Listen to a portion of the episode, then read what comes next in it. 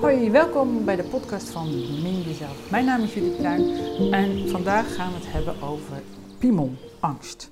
Misschien een beetje een lacherig onderwerp, misschien eh, herken je het meteen, misschien heb je nog nooit van het woord gehoord, maar resoneert het wel.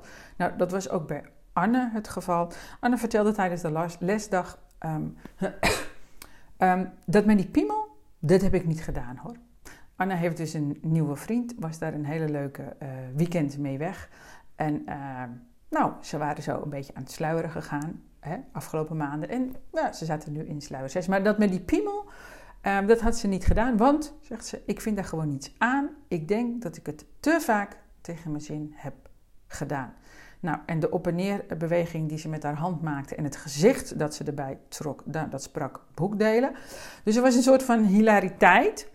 Uh, en tegelijkertijd, uh, bijna alle uh, vrouwen in de opleiding herkenden het gevoel, wisten precies wat ze bedoelden. Dus er kwam een soort van discussie uit voor. Zo van, ja, aversie, afkeer tegen piemels, zeg maar. Ehm, waar komt dat eigenlijk vandaan? Nou heb je natuurlijk te maken gehad met grensoverschrijdend gedrag of misbruik. Ja, dan is de oorzaak heel erg duidelijk. Even een slokje. Um, en tegelijkertijd weten al deze vrouwen, de hele, allemaal, geen, geen enkele uitzondering, weten precies wat Anne bedoelt. Terwijl ze, godzijdank, niet allemaal misbruikt zijn. En dan kom je er al snel achter dat eigenlijk bij elke vrouw de grenzen wel eens zijn overschreden. Of vaak. Ook door de man uh, waar ze van houden. Uh, en ook door de man die van hen houdt. En het heeft meerdere oorzaken. Dus um, soms kun je je grenzen niet goed aangeven. Soms zijn de grenzen voor jezelf niet zo duidelijk. En soms geef je ze wel aan, maar worden ze gewoon niet gerespecteerd. Nou, over grenzen maak ik zo meteen nog een podcast. Dus de volgende gaat over grenzen. En bij piemelangst speelt er nog iets. Iets heel basaals. Dus als vrouw moet je jezelf als je gepenetreerd wilt worden, openen. Uh, fysiek natuurlijk, maar fysiek open je misschien ook al wel uh, als je seks hebt. Gewoon uh, zonder penetratie nog. Hè? Dus dan open je in ieder geval je hart. En heel vaak leggen vrouwen die beweging af van het hart naar het bekken. Dus eerst wordt er in het hart iets geraakt, dat ontspant, dat kan zich openen. En dan kun je door je middenrif heen dalen naar je bekken. En dan kan je baarmoeder, vagina, energetisch allemaal gaat dat, hè, um, kan zich openen. En dan kun je iemand anders ook werkelijk ontvangen. Nou, idealiter. Heel veel vrouwen hebben dit ook nog niet goed gevoeld bij zichzelf, waardoor ze te snel overgaan op, op, op uh, penetratie omdat die ander dat wil, of omdat ze het zelf ook willen. Hè? Dus het kan ook gewoon genot geven. En het bouwt zich dan een beetje op dat uh, als je te vroeg gepenetreerd wordt, dan gebeuren er toch soort van grensoverschrijdende dingen zonder dat je dat zelf doorhebt of zonder dat je dat aangeeft. En dat is een soort van ja, beschadiging die zich ophoopt. Maar goed, dat is eigenlijk een ander onderwerp. We hadden het nu even over piemelangst. Dus um, bij penetratie, ja, dan is het wel de bedoeling dat je jezelf opent. Nou, stel dat dat lukt, hè. je hebt je hart geopend, je hebt je, je vagina geopend, je, je baarmoedermond is eigenlijk geopend. Hè? Want ook al willen we geen baby's maken, de meesten zijn bezig met voortplantingsseksualiteit. Dus het moet allemaal een beetje open. En dan nog moet je maar hopen dat de gastheer die bij jou op bezoek komt, dat die zich gedraagt. En dan blijkt dat heel veel vrouwen, soms op een onbewust wat dieper niveau, hè, de meeste vrouwen die weten nooit zeker wat er gaat gebeuren. Zelfs niet als ze een partner hebben waar ze zich mee uh, verbonden voelen. En dan bedoel ik niet een soort van leuke spanning. Hè? Zo van, oh, wat, wat zal hij nu weer voor verrassing hebben? Nee, er is altijd een soort van oplettendheid, een soort alertheid. Dat hij niet iets doet wat jij niet wil. Dus dan voel je je nooit helemaal veilig en ontspannen. En dat maakt het heel lastig om je over te geven en te genieten. En om iets van de magie van seksualiteit te gaan voelen, te gaan ervaren. Want het kan iets magisch zijn. Nou, um, de reden van die onveiligheid, die is dan weer eenvoudig verontrustend. Want uh, een onveilig gevoel kan ontstaan, hoeft niet, maar kan wel, kom ik zo op terug, kan ontstaan als een man in de derde persoon over zijn piemel spreekt. En de meeste mannen die doen dat. Sommige mannen geven zelfs hun piemel een naam. Alsof het een soort van zelfstandig wezen is waar ze geen controle over hebben, die volledig zijn eigen weg gaat en waar ze dan op een bepaalde manier ook nog wel trots op zijn.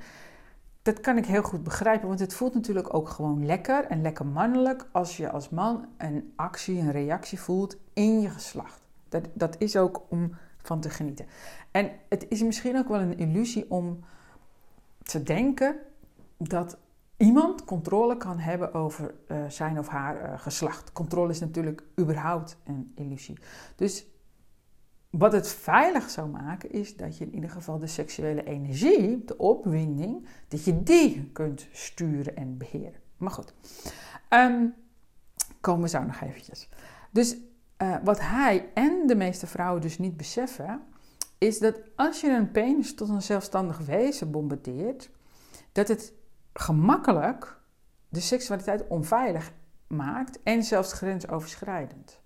Dus, um, want stel dat je, dat je je piemel tot zelfstandig wezen uh, bombardeert eigenlijk. Dus je geeft hem een naam en ja, je doet net alsof je helemaal ja, zijn eigen leven leidt. Wie is er dan de baas over die piemel? Wie begrenst die piemel dan? En hoe weet je dan als vrouw of er nou wel of niet rekening wordt gehouden met je wensen en je grenzen? En stel dat je het daarover wil hebben, hè? is een beetje over de top, maar maakt het wel duidelijk. Met wie moet jij het nou over jouw grenzen en wensen hebben? Met, met die man of met die piemel die aan die man vastzit? En uh, we moesten het er natuurlijk ook om lachen. Maar het is wel zo, er zit wel een kern van waarheid in. Hè? Want heeft het zin om je grenzen en wensen aan te geven aan een man die zijn penis, die zijn seksuele energie niet kan sturen, niet kan beheren. Ehm, en die door in de derde persoon over zijn piemel praat, eigenlijk gewoon geen verantwoording neemt. Dat leidt tot spanning en dat is niet het soort spanning waar je van geniet. Dus op de lange termijn komen vrouwen in het gunstigste geval wat afwachtend of argwanend tegenover de piemel van een partner te staan. Ga je hier te lang mee door, ehm, dan krijg je op een gegeven moment toch te maken met afkeer. En dat vrouwen zeggen, dat met die piemel, dat hoeft van mij niet meer. Um, en je hebt beide dit spelletje niet zo goed door, want in de derde persoon over piemels praten, dat is gewoon heel gewoon geworden. Um, en helaas worden dus grenzen heel gemakkelijk, heel gewoon overschreden. Is natuurlijk niet bij iedereen zo, hè? En dat heeft een, een reden. Dus er zijn ook juist mannen en vrouwen die piemels een naam geven en die daardoor juist helemaal in het spel betrokken wordt. Maar dan is er iets anders aan de hand. Dan is, dan is er een verbinding bij die man tussen zijn piemel en zijn hart. En als je dan over, als je dan je piemel een naam geeft, als dat een soort vriendje is of zo, een extra vriendje, um, dan is dat helemaal oké natuurlijk. het is altijd oké, je mag helemaal zelf weten wat je wilt doen. Uh, maar heb je nou piemelangst, resoneer dan bij je, dan is de oplossing eigenlijk heel simpel. Uitleggen wat er aan de hand is. Uh, uitleggen dat het onveilig voelt als hij zo over zijn piemel praat, terwijl hij niet geen die emotionele verbinding heeft opgebouwd tussen zijn hart en zijn piemel. En dat is dus iets anders als dat je je ermee identificeert. Dus de meeste mannen die identificeren zich misschien wel iets te fanatiek met hun geslacht zelfs. En, en als hij de verbinding herstelt tussen zijn penis en zijn hart, dan is hij ook de baas over zijn seksuele energie. En dan is het voor jou veilig om openen. En dan ontstaat er iets van magie. Veiligheid is dus niet saai. Dat leidt juist tot avontuur. Want als jij je veilig genoeg voelt als vrouw, dan kun je dus de beweging maken van je hart naar je bekken. Vrouwen zitten van nature wat meer en makkelijker in hun hart, meestal. Hè? En mannen, het mannelijke zit meestal makkelijker in het bekken. Dus die moeten eigenlijk meer een beweging omhoog maken, heel toepasselijk. En vrouwen die moeten eigenlijk, mogen eigenlijk uh, wat meer een beweging naar beneden maken. Als je iets tenminste wilt ervaren van magische seksualiteit. En dat is dus eigenlijk heel eenvoudig, maar dat vinden we een beetje vreemd. Want die verbinding herstellen tussen je hart en je bekken, die doe je namelijk niet samen, maar die doe je zelf. Die beschadigingen die zijn vaak wel samen ontstaan, maar ook vaak al veel eerder uh, in je jeugd. Dus er is hè, bijna niemand wordt ladingsvrij opgevoed met seksualiteit. Dat is een soort van eerste vorm, eerste graads uh, beschadiging zou je dat kunnen noemen. Dan, dan, raakt die verbinding tussen je hart en je bekken, tussen je geslacht, is, raakt al een beetje uh, verstoord. Als er niet ladingsvrij met seksualiteit wordt omgegaan. Nou, dat is in de meeste gezinnen. En dan heb je natuurlijk nog te maken met grensoverschrijdend gedrag en misbruik. En dat maakt die verbinding steeds slechter, als het ware. Nou, dat herstellen, dat doe je dus in je eentje, door het beminnen van jezelf. Hè? Dan herstel je de verbinding tussen je hart en je bekken, maar ook tussen liefde en lust bijvoorbeeld. En dat geldt voor zowel mannen als vrouwen.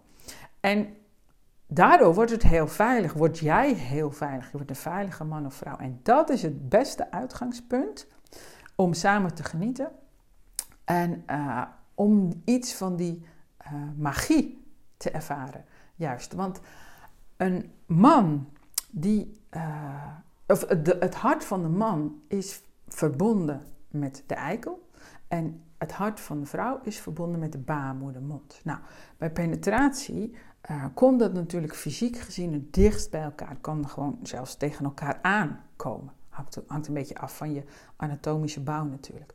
Um, en als je daar nou alle twee bewust in aanwezig bent, hè, dus de vrouw in de baarmoedermond en de vagina die zich geopend heeft, en de man is aanwezig in de eikel waarmee hij bij de vrouw naar binnen komt, uh, dan, dan ontstaat er echt iets magisch. Dan heb je het over heilige seksualiteit. Dat jij als God uh, de godin betreedt, penetreert, zeg maar. Um, maar dan moet je dus die verbinding hersteld hebben tussen je hart en je bekken. Wil je hier nou meer over weten? Ga dan gewoon een keer naar een gratis webinar. Kan je meeluisteren en dan kun je gaan naar www.beminjezelf.nl slash webinars. Ik hoop dat je hier iets aan gehad hebt. Resoneert het woord piemelangst, dan weet je misschien nu hoe het komt. Kunnen natuurlijk nog andere redenen zijn. Bedankt voor het luisteren en bemin jezelf.